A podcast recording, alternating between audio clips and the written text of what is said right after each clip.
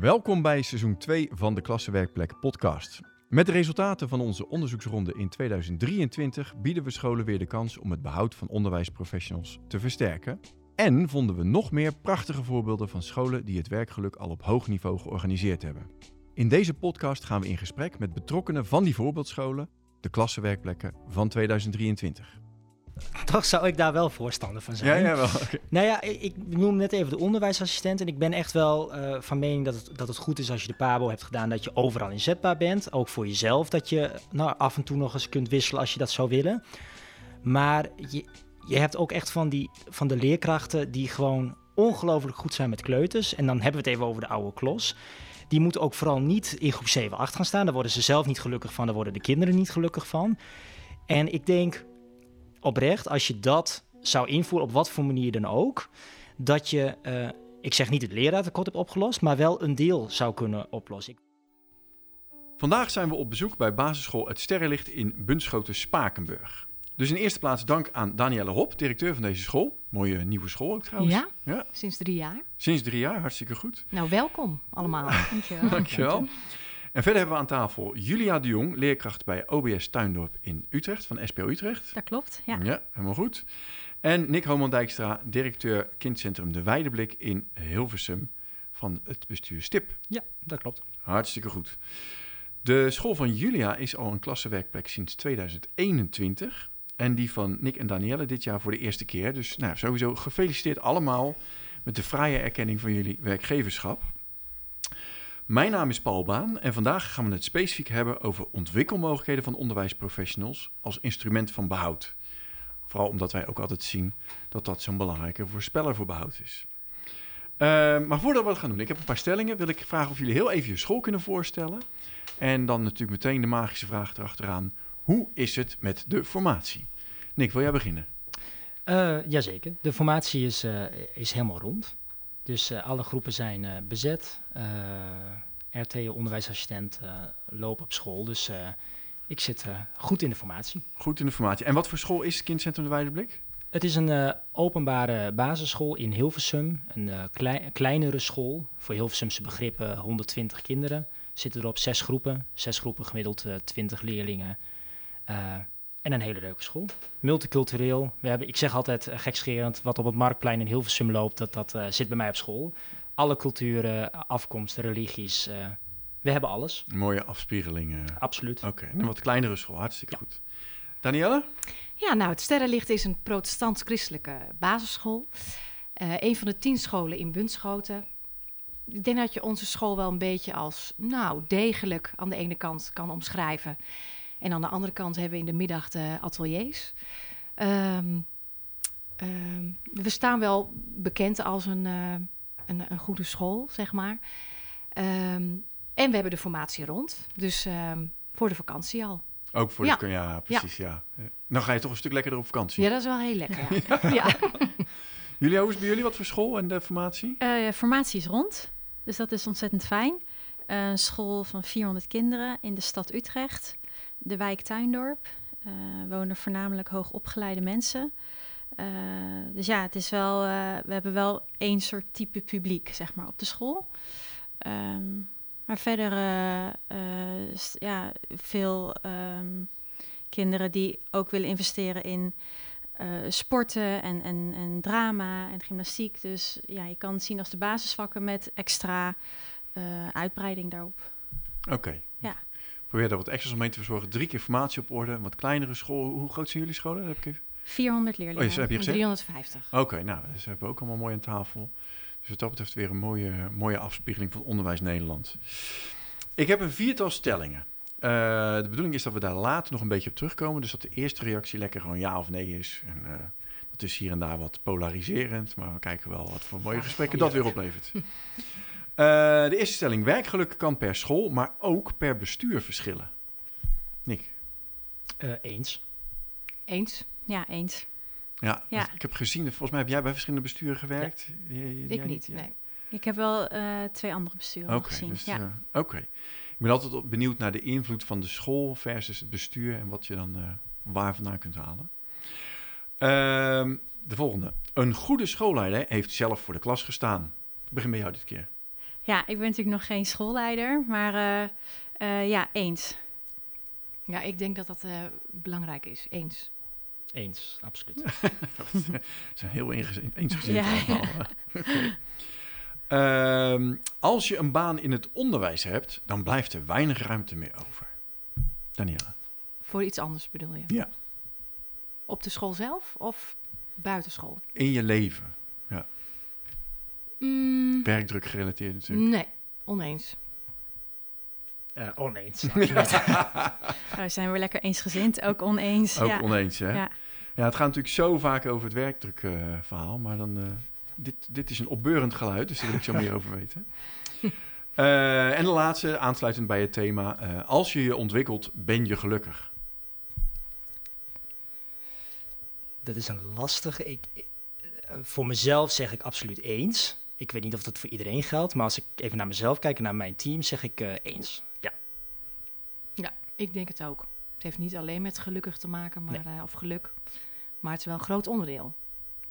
Ja, eh, dit is, ik vond dit een lastige stelling, want ik was het hier voor mezelf ook mee eens als ik naar het team kijk en mijn collega's. Maar ik denk ook dat er mensen zijn die heel gelukkig zijn met een vaste werkplek en gewoon steady. En dat is wat ik de hele dag doe en ik weet waar ik op aan kan. Dus eh, ja, voor mezelf, maar ik snap ook als het niet zo is. Oké, dat is een interessante aanvulling. Ik ik herken het wel. Soms, je, je kunt niet alleen maar mensen hebben die vol op de ontwikkeling Ja. eh, eh, staan. Je hebt ook gewoon mensen nodig die lekker in de uitvoering staan. Oké, maar goed, eh, daar komen we zo vast nog wel op te praten. Eh Nick, laat ik even bij jou beginnen. Op basis van jouw LinkedIn-profiel komt naast onderwijs nog een heel duidelijke andere passie naar voren. En jij zei net al, er is ruimte voor, het kan. Ja. Eh, je hebt een eigen entertainmentbedrijf naast je rol als schoolleider. En Julia, jij vertelde me dat je, eh, nou ja, jij hebt naast je school, ga je gewoon de rol of de opleiding tot schoolleider Ja, doen. ja, Met wat uitstel nu. ja, klopt. Gefeliciteerd daarmee. Dankjewel, ja. Klinkt heel raar natuurlijk. Maar Julia is zwanger. ehm, je mocht hem wel gaan doen al. Je Ja. ging hem al doen. Ja, nou, ik was eh, eh, aangenomen en daar was ik ontzettend blij mee. En eh, je weet nooit hoe het leven loopt. Dus eh, eh, ik ben zwanger en daar zijn we ook heel erg blij mee. Dus ik belde het bestuur van SPO Utrecht en ik zei... ja, ik denk dat het toch beter is als ik de opleiding even uitstel. En toen zeiden zij tegen mij van, nou, weet je het zeker? Wil je nog met je nadenken? Ik zei, nou, nee, ik heb er goed over nagedacht. Ik heb het op school erover gehad. Ik ga gewoon nu het eerste jaar er voor mijn kindje zijn. En toen zeiden ze, nou, als je terugkomt van verlof bel ons dan op en dan gaan we kijken hoe we het dan mogelijk maken. Dus dat vond ik nou echt super fijn van, van het bestuur, hoe ze daarmee om zijn gegaan. Ja, Ja, meteen ook al duidelijk gemaakt. Ontwikkeling is belangrijk. zeker. En je hebt ja. voor jezelf, je hebt school, kindje, opleiding. Dat werd dan misschien wat te veel erbij. Ja, ja, ja. Er kan wel Ja. een hoop bij. Ja, ja je, kan, je kan heel veel plannen, maar zo'n eerste jaar, je weet gewoon niet hoe dat gaat zijn. Dus nee, nee dit leek me een betere beslissing. En, en heel even terugkomen dan, want op zich was je dus wel van, het van plan te gaan Ja. doen. En, en Nick heeft, heeft er gewoon een bedrijf naast. Eh, hoe, hoe doe je zoiets in een sector waar het eigenlijk continu over de enorme werkdruk gaat? Hoe, hoe kan dat dan?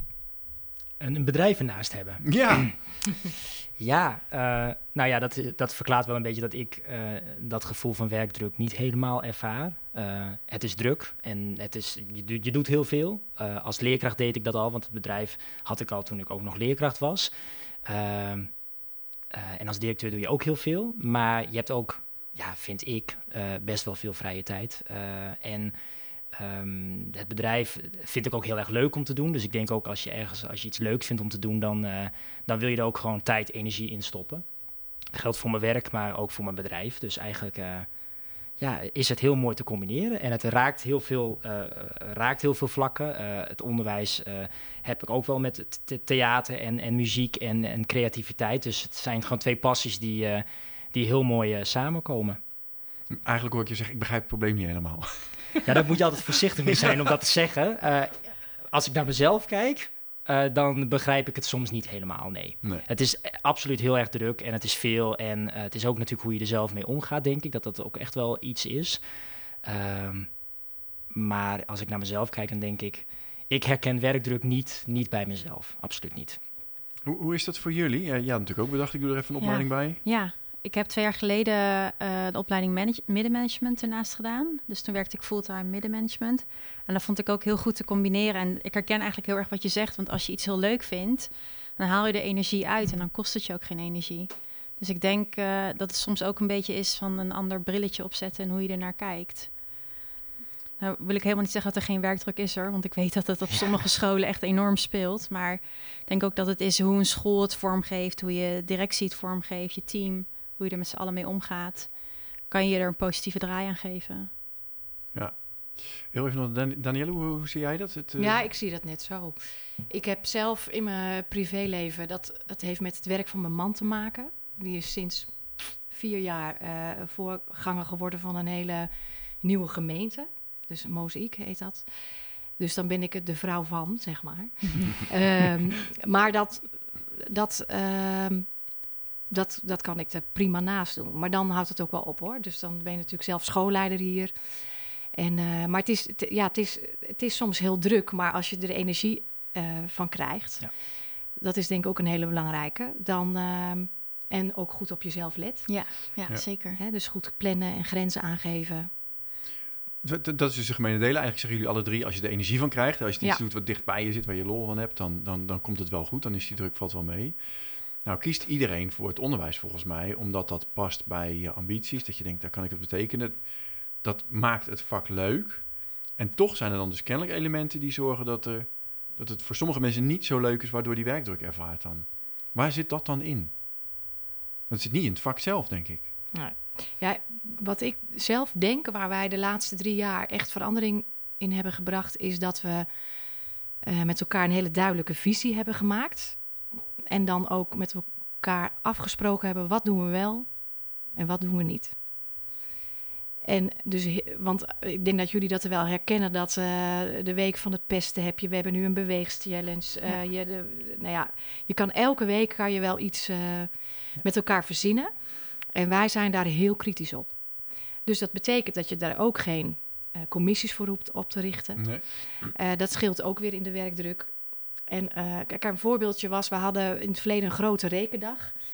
En dan waren ze soms al twee weken in hun hoofd bezig met die grote rekendag. En um, dan werd er gewoon twee weken minder goed lesgegeven. Maar wij willen gewoon dat er elke dag gewoon goed rekenonderwijs gegeven wordt. Dus we hebben die grote rekendag gewoon geschrapt. Ja. En dat gaf zoveel opluchting. Dus daar heel kritisch naar kijken. Ja, mooi. Ik zie ook dat jij een boek hebt meegenomen waar je ja. uh, volgens mij wat inspiratie uit hebt gehaald uh, op dit vlak. Kan je daar iets over vertellen? Wat uh, het, het, boek van Martin Bootsma en Eva Nijkers voor jullie heeft gedaan? Ja, dat begon het met een eerste boek eigenlijk. Ja, dat was deze?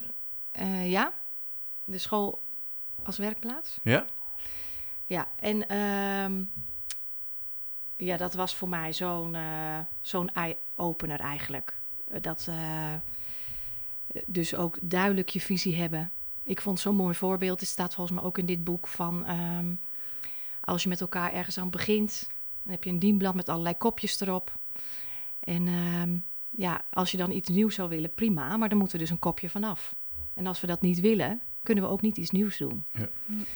Dus um, dat geeft dat geeft zoveel uh, rust en duidelijkheid dat we. Uh, nou ja, ik, ik, merk dat dat een heel stuk werkgeluk uh, geeft en werkdrukvermindering geeft. Ja. Ja, dit, want dit is natuurlijk een tweede boek. Dat, ja. ja. want het eerste zie ik daar ook staan ja, inderdaad. wat als we gewoon weer eens gaan lesgeven? Ja, ja, precies. Focus op wat het toe doet. Keuzes durven maken. Ja, precies. Ja. Jullie hebben, jij hebt zelf, jij noemde Ben van der Hilst als iemand die bij jullie... Klopt. Is dat vergelijkbaar? Wat heeft die voor impact gehad? Um, ik herken wel een, een, een, gedeelte van wat je zegt. Inderdaad, keuzes maken, kritisch zijn. We hebben bijvoorbeeld de lentekriebelweek hebben we eruit gegooid en het gewoon meer bij uh, uh, ons, ons gehele onderwijs ondergebracht. In plaats van inderdaad één themaweek en daar al je energie in steken. Maar Ben van der Hilst, ja, die um, heeft een proefschrift geschreven over heel veel samenwerking binnen de structuur van je onderwijs. En uh, ik merk dat dat heel veel werkdrukvermindering oplevert binnen het team. Dus ik draai niet in mijn eentje een groep, maar ik heb nog een collega die de andere groep achterdraait.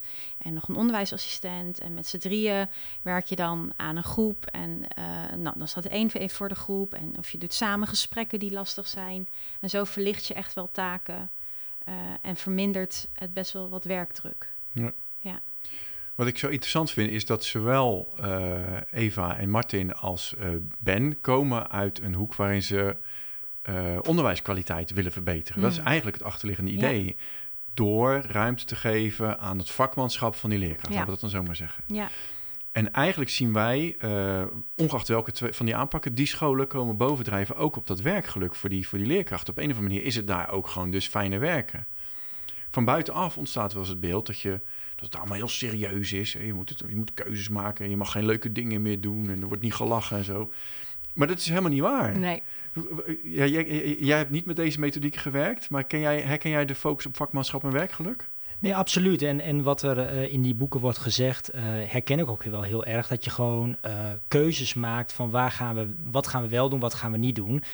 En wij zijn op school echt wel van, wij vinden het juist heel erg leuk om allerlei verschillende dingen te doen. Dus eh, deze week komt weer een boswachter in de klas. Maar het zit heel erg ook bij de, bij de desbetreffende leerkracht. Dus je hoeft ook niet alles schoolbreed aan te pakken. Het kan ook zijn dat de ene leerkracht wel iets meer wil doen met de week van de mediawijsheid. eh en de andere leerkracht juist iets wil doen met, eh, nou wat hebben we, kraanwaterdag of zo.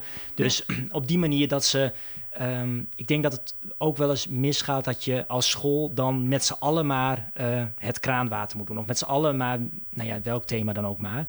Ehm, en dan ligt het echt wel weer bij de leerkracht. Dus heb je het over dat vakmanschap, ja, laat de leerkracht zelf ook maar gewoon keuzes kunnen durven, eh, willen maken. Eh, het hoeft niet allemaal in een, in een protocol of met z'n allen hetzelfde gaan doen. Dat is wel grappig, want dat is bij mij precies andersom. Ja. Ja, ja. Oh jee. ja. ja, wij hebben echt wel eh, hele duidelijke gezamenlijke afspraken daarover. Ehm, en wat ik nu, eh, maar ik, wij hebben elkaar van tevoren al gesproken, dus Ja. ik snap jouw keuze. Maar wat ik merk is dat dat ook heel veel, dat dat heel veel rust geeft. Dus dat je ehm, bij ons heeft, zit niemand, hoeft meer taken naast zijn eh,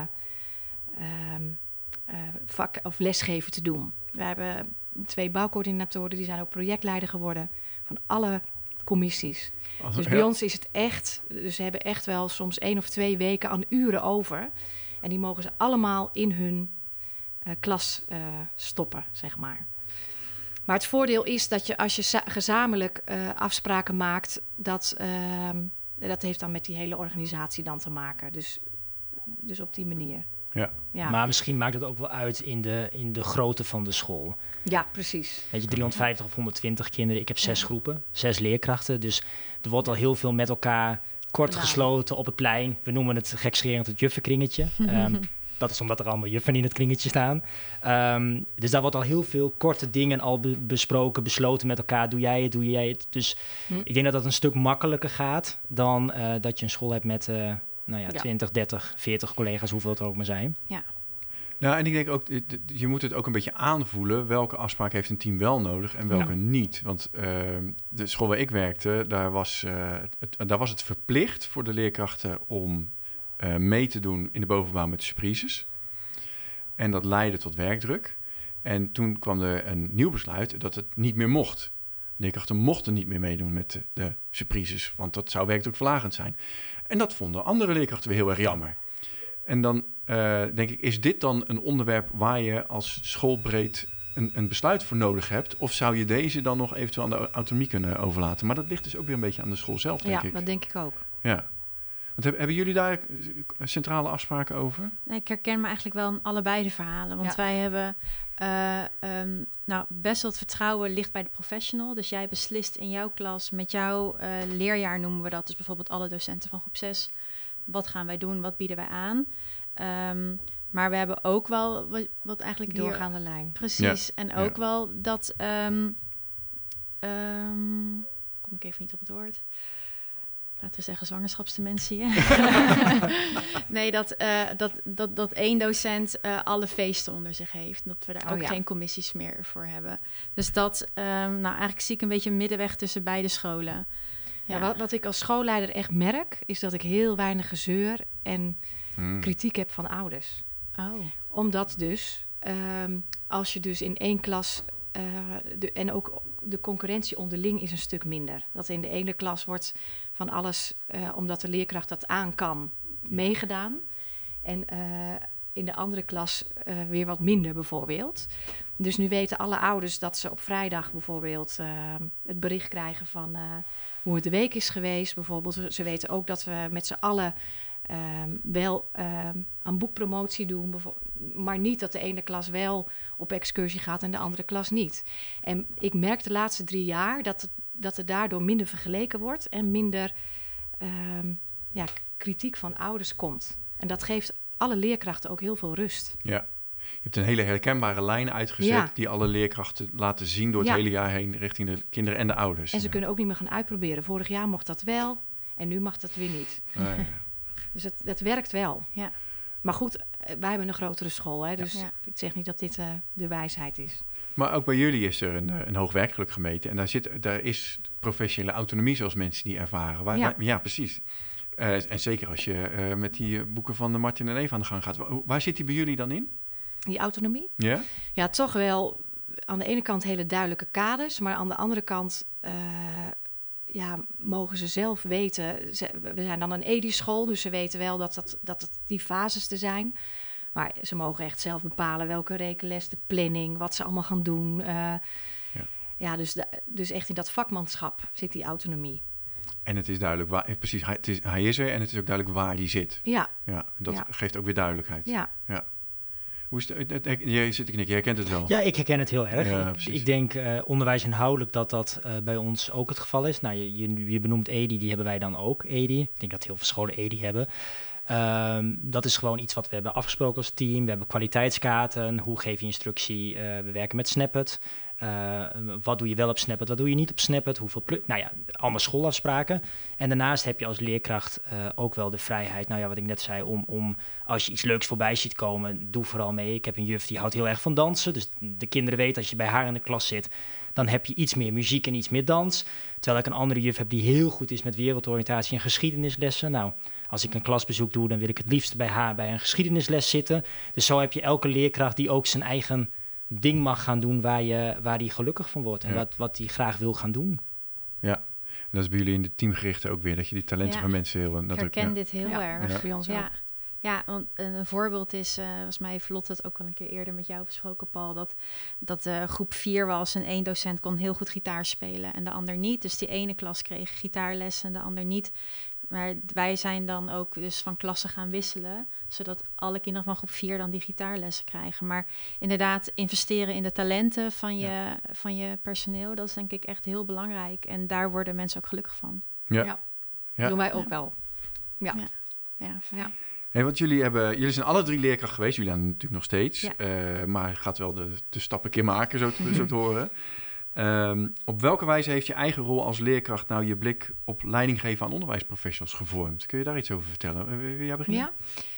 Eh, ja, dat je zelf, ehm, als je zelf met je benen echt in die klei hebt gestaan, dus eh, de- alle beslissingen die je neemt, dat ik denk, dat ik in mijn achterhoofd denk, oh, gaan ze dit trekken? Ja. Ehm, is het uit te voeren? Ook voor, vooral qua werkdruk. En dan eh, kan ik ook gewoon wel tegen het team zeggen: joh, ik, ik heb het zelf meegemaakt, dat, eh, dat gaan we gewoon niet doen. Het is veel te, veel te veel, veel te veel gedoe. Of dit is juist heel mooi. Had ik dat maar geweten. Ik vond bijvoorbeeld het model Edi. Dan dacht ik, oh, had ik dat maar twintig jaar geleden Mhm. geweten. Zo breng ik het dan ook over natuurlijk. Om ze een beetje te motiveren. Maar dat meen ik ook echt. Dus ik, je, je voelt wel wat ze mee hebben gemaakt. Ja. En, ehm, ja, en, en daardoor neemt het team ook natuurlijk sneller wel wat dingetjes aan. Denk Ja. ik. De- het, het draagvlak voor de beslissingen, de Precies. kaders die je stelt, is groter. En jij kunt dus zelf die, die beschermlaag waar ze het wel eens over hebben, ehm, als het te veel wordt, Ja. dan kun je die inzetten, Ja. ook op basis van je eigen ervaringen. Precies. Ja. Ja. Nick, hoe is dat voor jou? Ehm, nou, wat ik als leerkracht heel fijn vond, en dat is ook wel hoe ik het nu op, op school wil gaan doen, is je kreeg als leerkracht ook echt wel heel veel vrijheid om de dingen te doen die ik leuk vond. Nou, we hebben het al even gehad over theater. Ik hou heel erg van muziektheater. Dat deed ik in de klas als leerkracht 7, 8 altijd al. En ik voelde me daar heel prettig bij dat ik dat soort dingen mocht, mocht doen. En dat je gewoon de ruimte krijgt om eh, nou ja, je eigen ding lekker te doen in de klas. Dus dat neem ik heel erg mee. Van goh, eh, ja, doe maar. Doe je eigen ding maar. Hè. Je moet je houden aan, de, aan de, de dingen die we hebben afgesproken op school. Maar ga vooral ook lekker je eigen eh, ding doen waar je vrolijk van wordt en gelukkig van wordt. En wat je zegt eh, hè, over ja, te veel eh, hooi op de vork nemen. En je, je begrijpt de leerkrachten soms ook wel. Hmm. Wij, hebben, wij hebben bij ons op school echt, het is donderdag en dat is ook soms echt een donderdag. De kinderen kunnen soms ook echt donderen. Ja, dat heb ik ook meegemaakt. Dat je dan echt om kwart over twee uitgeblust in de teamkamer zit. ja, dan helpt het niet als je als eh, leidinggevende of als IB'er of wat dan ook zegt... nou ja, morgen weer een dag. Soms is het dan ook wel even lekker om even met z'n allen te praten over hoe vreselijk het ook wel niet was. En dan daarna te lachen en te denken, nou, en nu weer door. Even stoom afblazen. Ja, soms helpt het niet om dan te gaan zeggen, ja, het valt wel mee. Soms valt het mee. De vorige keer was je eerder uit of zo, ja. ja, dat soort dingen. Of je hebt al bijna weer vakantie. Ja, precies. ja. Dus daar neem jij je eigen ervaringen mee. Ja. ja. Uh, Julia, jij gaat de stap maken uh, naar schoolleider.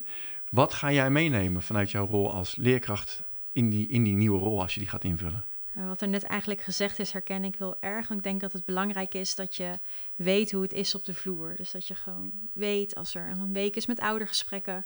Oké, ik ga deze studiemiddag niet invullen met uh, een onderwerp wat dan speelt. Maar ik geef uh, het personeel de ruimte om die oudergesprekken voor te bereiden. Zodat er niet intens veel werkdruk wordt ervaren. Ik denk dat dat echt een, een winst is als je zelf van de werkvloer komt. Ja. Maar ik wil niet wegnemen. Ik denk op, oprecht dat er ook hele goede schoolleiders zijn die niet uit het onderwijs komen, maar die dat ook zouden kunnen. Ik denk wel dat het een voordeel is als je uit het onderwijs komt en voor de klas hebt gestaan. Maar er zijn absoluut ook mensen die dat zo zouden kunnen. Ja, ja want er is een schoolleidertekort. Dus we zullen ook zijn instroom schoolleiders ja. Eh, nodig gaan hebben. Misschien kunnen we zo nog even specifiek voor hen goede tips ophalen. uh, waar ik nog eerst even naartoe wilde is... Uh, we hebben natuurlijk specifiek ook over die ontwikkelbehoeften. Uh, jullie formaties zijn op orde. Maar ook jullie gaven al aan dat uh, de, de, de vervangingspool of de, de, vervangingsmogelijkheden, die nemen wel af. Dat wordt dunner. Ja. Jullie hebben daar een interessante oplossing ook voor. Uh, misschien kun je daar eerst even iets over vertellen en hoe dat kan bijdragen aan de ontwikkeling van mensen. wil, jij, daar, wil jij beginnen? Ja, nou ja, uh, wij hebben twee fulltime onderwijsassistenten die in de hoogste schaal zitten. Dus ik noem ze eigenlijk onderwijsassistent plus. Ehm, maar die doen die horen echt helemaal bij het team. Dus het is niet als zo van, joh, je bent onderwijsassistent, zit achter in de klas, soms een groepje begeleiden en that's it. Dus alle onderwijsinhoudelijke vergaderingen doen ze mee, zodat ze ook echt weten wat er speelt, wat de afspraken zijn.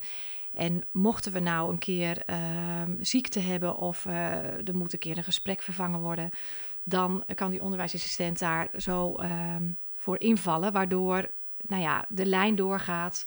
Niet een, een, vreemde invaller er is, waardoor de kinderen denken: joh, die kunnen we even gaan uh, uitproberen. en dan blijft een stukje, uh, ook een stukje kwaliteit nog wel uh, gewaarborgd. Continuïteit, kwaliteit. Ja, ja, continuïteit. En bij ons is ook een stukje ontwikkeling dat ik echt wel probeer om eh, de juiste mensen op de juiste plek te krijgen. Ehm, dus daar heb ik ook formatie voor vrijgemaakt dus de expertleraar EDI voor de uh, groep 3 tot en met 8 en voor de onderbouw. Zij doen alle klassenbezoeken bijvoorbeeld. Uh, taallezen expertleraar, een reken-expertleraar en zelfs één voor gedrag. We hebben een eigen kindercoach. En dat, dat geeft uh, leerkrachten ook weer dat ze denken hè, dat ze uitdaging krijgen door hier te blijven. Maar ook een stukje werkdrukvermindering voor de rest van het team. En voor mezelf, eerlijk gezegd. Ja, want je hebt ook wat handen eromheen uh, georganiseerd. Eigenlijk, het, het, klinkt alsof je gewoon luxe in je, in, je, in je vel zit hier op school. Ja, het, ja, dat, ja eigenlijk wel. Ja. En dat, daar zit veel georganiseerd rondom mensen helpen beter te worden. Ja. En je hebt eigenlijk ook je, je vervangingscapaciteit intern hier geregeld met gewoon goed gekwalificeerde mensen die ja. niet uh, uh, bevoegd leerkracht zijn, maar wel vol in het team meelopen en daardoor de lijn kunnen bewaken. Ja, ja dat bevalt heel goed. En die, ze kennen de kinderen ook ja. door de hele school heen. Dus het is ook niet vreemd voor de kinderen. En, um, ja. Hoe heb je dat voor elkaar gekregen? Want ik, ik denk dat de mensen die het luisteren niet denken... ja, maar dat wil ik ook. Ja, Hoe nou ja, dus door ze uh, ook wel... Um, uh, het vertrouwen te geven van, uh, van jij kan dit. We hadden het er net al hè, voor de tijd over. Ze, ze redden het net niet om die pabo te doen. Dat, dat is nog uh, een brug te ver vanwege de, uh, de toetsen die we hebben. Dat hadden we het net ook over. Maar um, ja, door ze gewoon ook mee te nemen. Ze zitten ook bij oude gesprekken, dat typen ze mee. Dus ze worden helemaal meegenomen in de organisatie. Heel serieus genomen. Daar maken we haast bijna geen onderscheid in. Nee. Dus daarmee heb je gewoon vol, ja, volwaardig eh, Ja. vervangingscapaciteit eigenlijk sowieso binnen je binnen Kijk, en als er natuurlijk zwangerschapsverlof zou zijn, dat is een, een brug te ver natuurlijk. Ja. Maar voor een middag of een dag, Ja.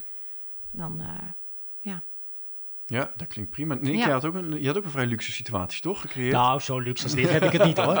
Eh, nee, ik heb, eh, wij hebben op school eh, in principe recht op vijf groepen. We hebben een zesde groep gecreëerd door daar een onderwijsassistent voor te zetten. Ik zeg altijd, eh, ze is dan niet officieel bevoegd, maar wel zeer bekwaam. Eh, en ik denk dat je daar soms heel ver mee komt. Daar hebben we het inderdaad over, over gehad. Eh, verder heb ik dan nog een RT rondlopen, ehm, die eh, fantastisch kinderen in kleine groepjes kan helpen. Maar ja, mocht er een leerkracht ziek zijn, ook wel gewoon de groep overnemen. Dus ja, is één leerkracht ziek, dan, dan red ik het wel. Gaat het naar twee of drie leerkrachten Ja. of zwangerschap of wat dan ook, ja, dan, dan zit je wel, dan heb je wel een groter probleem. En dan moet je wel echt gaan kijken van, ja, dan ga je naar invalpools en dat soort dingen kijken. Maar ja, die zijn eh, nog niet zo gevuld als dat ze ooit waren. Dus eh, nee, dan heb je echt wel een, eh, een lastige situatie. ja, Ja. dat herken ik ook wel. Ja. Ja.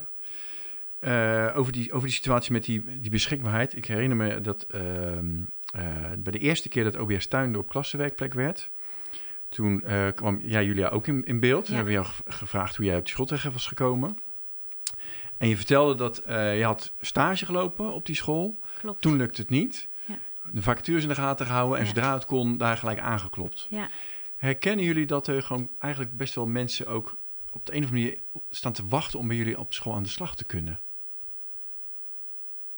Nou, dat, dat, ik, ga nu, ik zou nu moeten zeggen ja. Nee, ik, ik denk niet dat dat... Ik weet wel dat heel veel leerkrachten het, het, het leuk vinden wat wij allemaal doen op school. Maar of ze dan in de rij staan om bij mij te komen werken, dat, dat weet ik niet. Oké. Nee. Bij, bij mij is het wisselend. Dus als ze dan horen van ehm, eh, dat de werkdruk, dat we daarop letten en dan, we hebben natuurlijk best wel een duidelijke visie. Dus ja, dat moet ook wel bij je passen. Ja.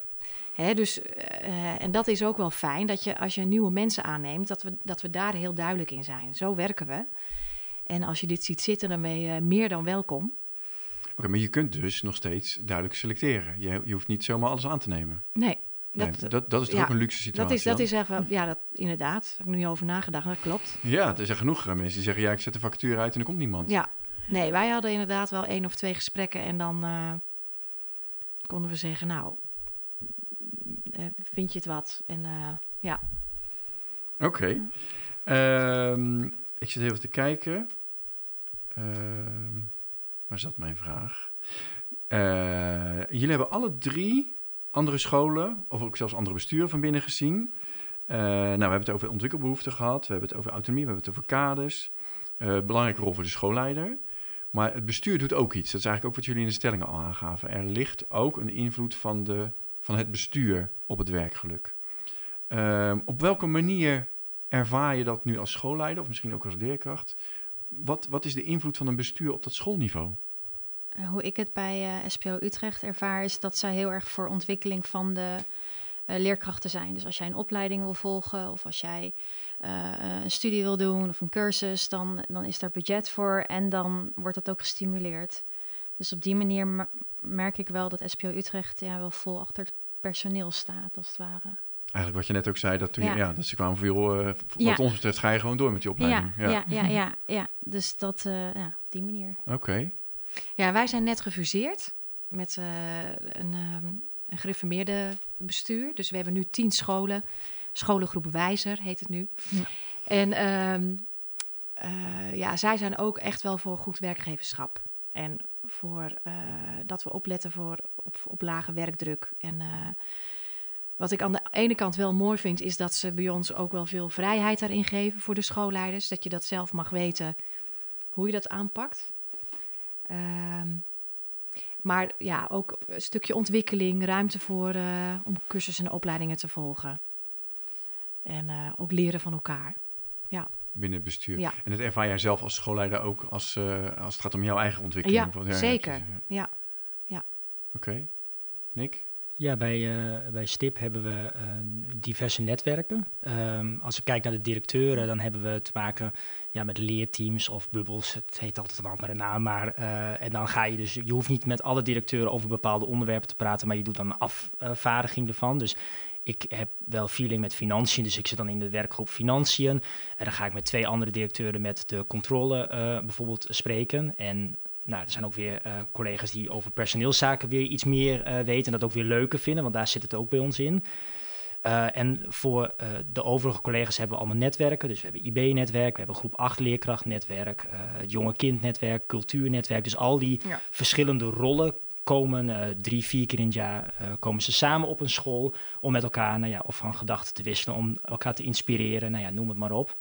En daarin merk je dat uh, je en een stipgevoel krijgt, dus echt een gevoel met het bestuur, maar ook jezelf mag ontwikkelen. Dus je weet als je iets met cultuur leuk vindt, dan kun je de cultuurcoördinator worden en dan kom je ook bij het cultuurnetwerk te zitten, zodat je ook weer met andere uh, cultuurcoördinatoren uh, in gesprek mag. dus daarin merk je wel dat vanuit het bovenschoolse ook echt wel die ontwikkeling wordt gestimuleerd. Ja. ja, herkenbaar is bij ons ook. Ja, bij ons ook. Ja. ja. Mooi, mooi. Nou, het is niet zo bijzonder. ja, maar wel belangrijk. Ja, absoluut. Ja. ja. ik wil het ook niet te klein maken, want het, het, het, is de bescheidenheid die in onderwijs zit. Als wij praten met schoolleiders van, van, van klassenwerkplekken die het goed voor elkaar hebben, dan zeggen ja, nee, maar het komt door het team, het komt door dit, het komt door, komt door allerlei andere dingen. Daarmee doe je tekort dat het hier heel goed gaat op heel veel vlakken en dat daar mensen invloed op hebben. En ik denk dat als we dat iets nadrukkelijker benoemen, kunnen andere scholen er misschien ook een voordeel mee doen. Dus ja. uh, bescheidenheid zie je de mens, maar, soms moeten we het ook wel even tentoon spreiden, denk ik. Uh, er was een stelling, als je je ontwikkelt ben je gelukkig. En daar zeiden jullie van, ja, dat geldt niet voor iedereen. Tenminste, sommige mensen die vinden het ook gewoon leuk om gewoon hun werk te doen. Dat, dat, dat, natuurlijk, dat zal iedereen herkennen. Tegelijkertijd is dat vakmanschap, hè, daar hebben we het ook over gehad, is belangrijk. En dat is wel iets wat zich steeds verder ontwikkelt. Dus ik denk dat je wel toe wilt naar een team wat zich wel blijft ontwikkelen. Ook met die mensen die zeggen, nou... Het is wel goed zo. Makkie ja. ja, precies. Ja. Hoe bewaak je de balans in zo'n team, waardoor er dus wel continu een soort van teamlat omhoog gaat, maar waarbij ook mensen misschien, ik noem dat vroeger altijd, een beetje achter in de bus gaan zitten. Die vinden het wel goed. Hoe, hoe doe je dat? Kun je daar iets over vertellen? Um, toen ik begon op de Wijde Blik, toen heette het trouwens nog Gouden Regenschool, um, toen was er heel veel nodig op de school. Uh, zowel didactisch als pedagogisch was het niet overal even goed. Dus toen zijn we heel erg op teamscholing gaan zitten. Uh, dat was nodig, dat, dat wist ook iedereen. Um, maar wat je wel krijgt, tenminste wat ik, en dat had ik ook als leerkracht altijd, als je teamscholing doet, je hebt altijd mensen die dat ontzettend interessant vinden. En je hebt ook altijd mensen die denken, nou, die zit achter in de bus, zoals je zegt. Mhm. Eh, wat we vorig jaar voor het eerst, of wat ik vorig jaar voor het eerst heb gedaan, is dat ik gezegd heb tegen het team: jullie moeten allemaal een cursus gaan doen of een opleiding, noem het op. Uh, maar je mag zelf kiezen wat je wil gaan doen. Maar het is wel de bedoeling dat je tijdens je taakgesprek kunt vertellen hoe je hebt uh, nou ja, geschoold dit jaar. Nou, wat ik heb gemerkt is dat eh, veel leerkrachten op uh, praktische dingen gingen. Dus op rekencursus met sprongen vooruit. Er was iemand die was geïnteresseerd in gedrag, dus die wilde... We hebben dan de kanje training, dus die wilde kanje coördinator worden. Dus dat ze um, zich scholen in dingen die ze interessant vinden en waar ze ook daadwerkelijk iets aan hebben. Want de meeste, nou ja, niet de meeste scholing, maar veel scholing is ook wel heel veel praten, heel veel luisteren. En vervolgens als je de dag na in de klas staat, dan doe je het net zoals je de dag ervoor deed. En ik merk dat Praktisch gericht. Ja. ja. en ik merk dat individuele scholen, dan kun je ook wel van wat heb ik nodig, dat kunnen leerkrachten. En soms geef je een soort toe, toereiking van nou, misschien kun je daar iets mee doen. Maar heel veel leerkrachten, tenminste bij mij, weten ook heel goed uh, van goh, ik kan nog wel handvaten krijgen wat betreft rekenonderwijs. Of, of nou ja, noem het maar op.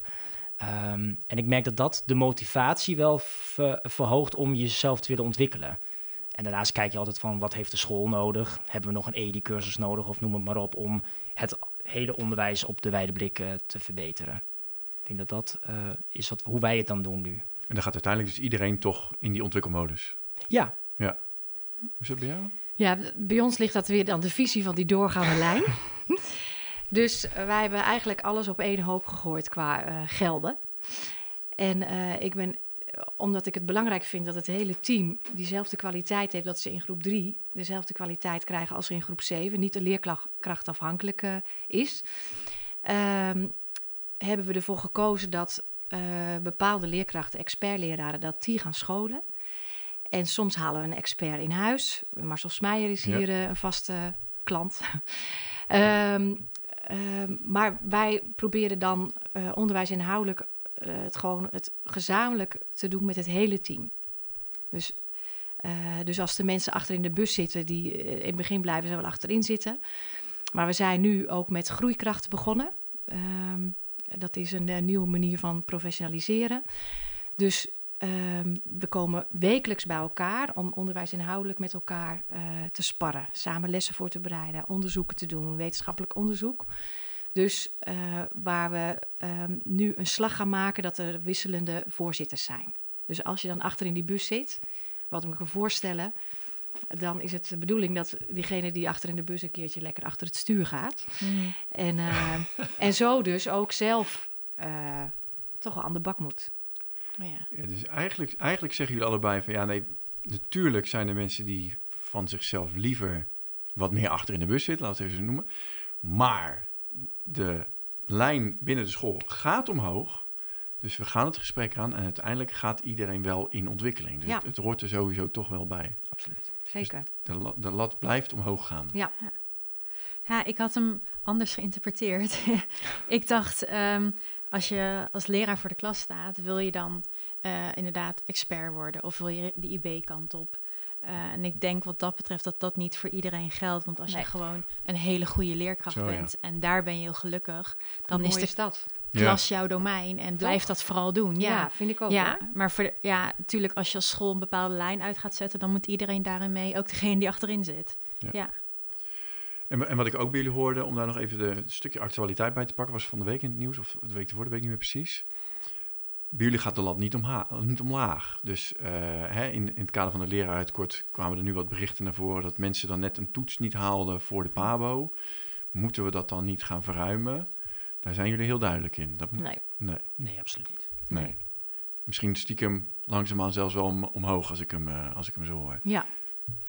Ja, kijk, eh, we hadden het er ook over dat soms eh, een ehm, MBO-student op één bepaald vak net niet goed genoeg is, waardoor ze de PABO niet, eh, niet kunnen. Dat is natuurlijk best wel heel erg jammer. Maar aan de andere kant, als een, als een student niet goed kan rekenen of qua spelling niet mee kan komen, ja, dan blijft het natuurlijk wel beperkt tot de onderbouwen. Terwijl je wil dat, dat iemand voor de hele school eigenlijk. Ja. Dus ook niet, een, is. een- ook niet een onderbouw PABO specifiek maken, gewoon en dan ga je weer terug Ja. naar een klos, Ja. toch? Ja, maar toch, toch zou ik daar wel voorstander van zijn. Ja, ja, wel. Nou ja, ik, ik noem net even de onderwijsassistent. En ik ben echt wel eh, van mening dat het, dat het goed is als je de PABO hebt gedaan, dat je overal inzetbaar bent. Ook voor jezelf, dat je nou, af en toe nog eens kunt wisselen als je dat zou willen. Maar je, je hebt ook echt van, die, van de leerkrachten die gewoon ongelooflijk goed zijn met kleuters. En dan hebben we het even over de oude klos. Die moeten ook vooral niet in groep 7, 8 gaan staan. Daar worden Nee. ze zelf niet gelukkig van, daar worden de kinderen niet gelukkig van. En ik denk oprecht, als je dat zou invoeren, op wat voor manier dan ook, dat je, eh, ik zeg niet het leraartekort hebt opgelost, maar wel een deel zou kunnen oplossen. Ik weet dat toen ik de PABO startte, mijn eerste stage was in groep 1 in Friesland, in Sneek. Ik zie mezelf nog zitten dat ik dacht na twee weken, ik moet hier weg. Dit is niks voor mij. Ja. Eh, totdat een, een docent van de PABO zei, ja, maar jij bent ook een bovenbouwleerkracht, je mag straks naar groep 6 toe. Nou, en toen ik eindelijk na een half jaar naar groep 6 mocht, dacht ik, ja, dit is wat ik wil. En ik geloof echt dat er heel veel studenten zijn die of afknappen op het feit dat ze of bij de jo- jongeren of juist bij de ouderen moeten. Want ik heb ook echt kleuterjuffen die zeggen, nou, ik moet niet aan denken om ho- hoger dan Nee. groep 4 les te geven. Ik denk als we daar iets zouden doen, maar hoe en wat weet ik niet, dat mag de, mini- de minister doen.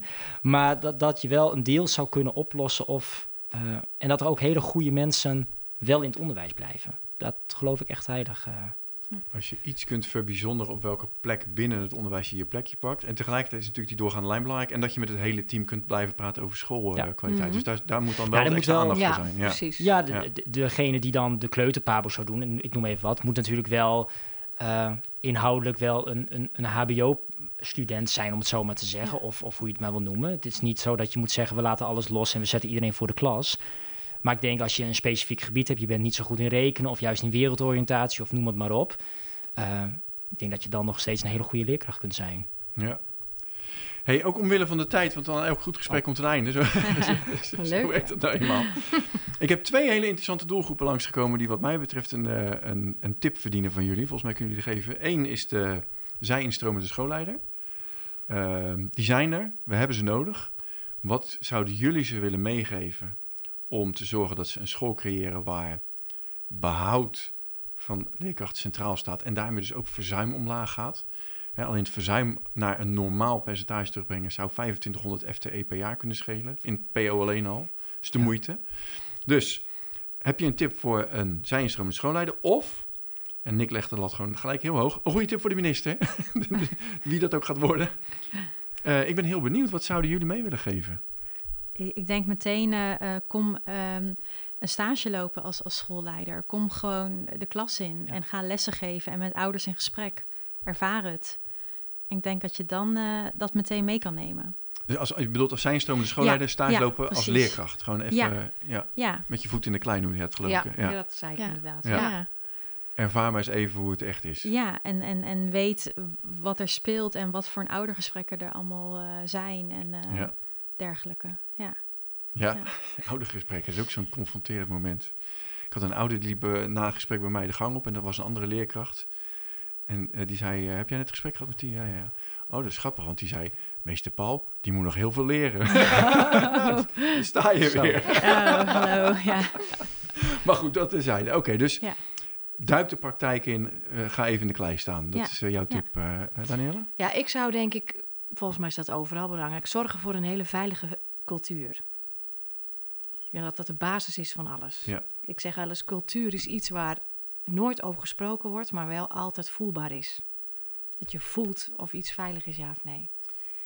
En het, het helemaal, ja, het- helemaal Ja, logisch hoe? natuurlijk. Hoe doe je dat? Heb je daar een goede tip voor? Ja, door, door ehm, ik, ik ben daar best wel eh, veel aan, mee aan het observeren. Met die veilige schoolcultuur. cultuur. Dus ehm, als je iets ziet of voelt, door dat gewoon eerlijk te benoemen. De onderstroom. En dat lijkt eh, soms heel ingewikkeld en, en toch is het niet zo. En dat is eh, het, het checken van. Ik zie, ik zie dit en dit, klopt dat?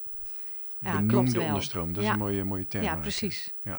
Dus je ziet iets, je laat het niet sluimeren, Nee. je legt het op tafel, we gaan Ja. het erover hebben. En dan, ehm, kijk, als, wat ze ook weten, als leerkrachten bij mij zouden komen eh, van eh, die en die vind ik irritant, of die ouder vind ik irritant, of ouders komen bij mij, ik vind dit echt heel vervelend wat er gebeurt in de klas. Ze weten nu al, de eerste vraag is, ben je al bij die persoon zelf geweest? En dat geeft ook heel veel veiligheid, want dan weten ze van, eh, ik word altijd, Danielle stuurt ze altijd eerst toch weer terug. Ja. Ja. Ja. Oh, heel goed. Ja, Ja. En dan, eh, goed feedback geven is natuurlijk nog steeds een, een kunst. Is een kunst. Ja, En dat vind ik zelf soms ook nog wel lastig. Maar daar ben ik inmiddels wel een beetje overheen. oké. Ja, gelukkig. Oké, veiligheid waarborgen door alles Ja. wat je ziet te benoemen Ja, en mensen met elkaar in gesprek te sturen. precies. Oké. Nick, komen we bij jou voor de minister nog eentje? Nou, de minister kan ook wel de klas in. Ehm, ik denk inderdaad een, een zij-instroom-directeur, maar ook eh, mensen die over beleid gaan, die mogen wel eens wat vaker eh, de klas in. Want dat, dat missen we soms nog wel eens, heb ik het idee. Dat er mensen zijn Ja. die aan de knopjes zitten, die eh, alleen niet weten hoe het in de klas werkt. Dus ik zou dat wel iets moois vinden. Ehm, waar ik zelf, maar dat is echt een, een persoonlijk iets waar ik zelf een beetje allergisch voor ben, is dat we het vaak hebben over hoe slecht het rekenen- en taalonderwijs is in Nederland. Dan denk ik, ja, maar we zijn ook heel goed in, eh, in creativiteit, in talentontwikkeling, in, eh, nou ja, noem het maar op. Dat mag ook wel eens benoemd worden. Ehm, ja, en als ik kijk, maar dat geldt denk ik voor iedereen. Eh, het is het prachtigste vak, denk ik, onderwijs. Laten we ook met z'n allen eens een keer, met z'n allen een beetje positief praten over onderwijs. En eh, ja, er is werkdruk. Zal ik niet onder deze tafel eh, schuiven, maar eh, laten we ja, met elkaar praten over hoe mooi onderwijs is. En dat eh, begint eigenlijk eh, ja, bij beleid, bij directeuren, bij leerkrachten, bij iedereen eigenlijk. Ik denk dat dat... eh, Zeker. Ja. Wat een fantastische conclusie Ja. inderdaad. Want Ja. ik zou, ik nu afsluiten. Ja. Oh, je gaf hem even af. Je gaf hem even voor. Nee, maar dat is precies wat we hier ook proberen te doen. Met Ja. goede voorbeelden van scholen die het, nou ja, die het goed doen, die het voor elkaar hebben. Het gesprek aangaan, daarvan te leren. En wat dat betreft ben ik heel blij dat jullie je ideeën hebben willen, willen delen in deze podcast. En kan ik niets anders doen dan jullie nog steeds heel veel succes wensen in, het- in het pad wat hierna ligt. En eh, grote dank voor jullie bijdrage. Dankjewel. Dankjewel. Graag gedaan. Helemaal goed.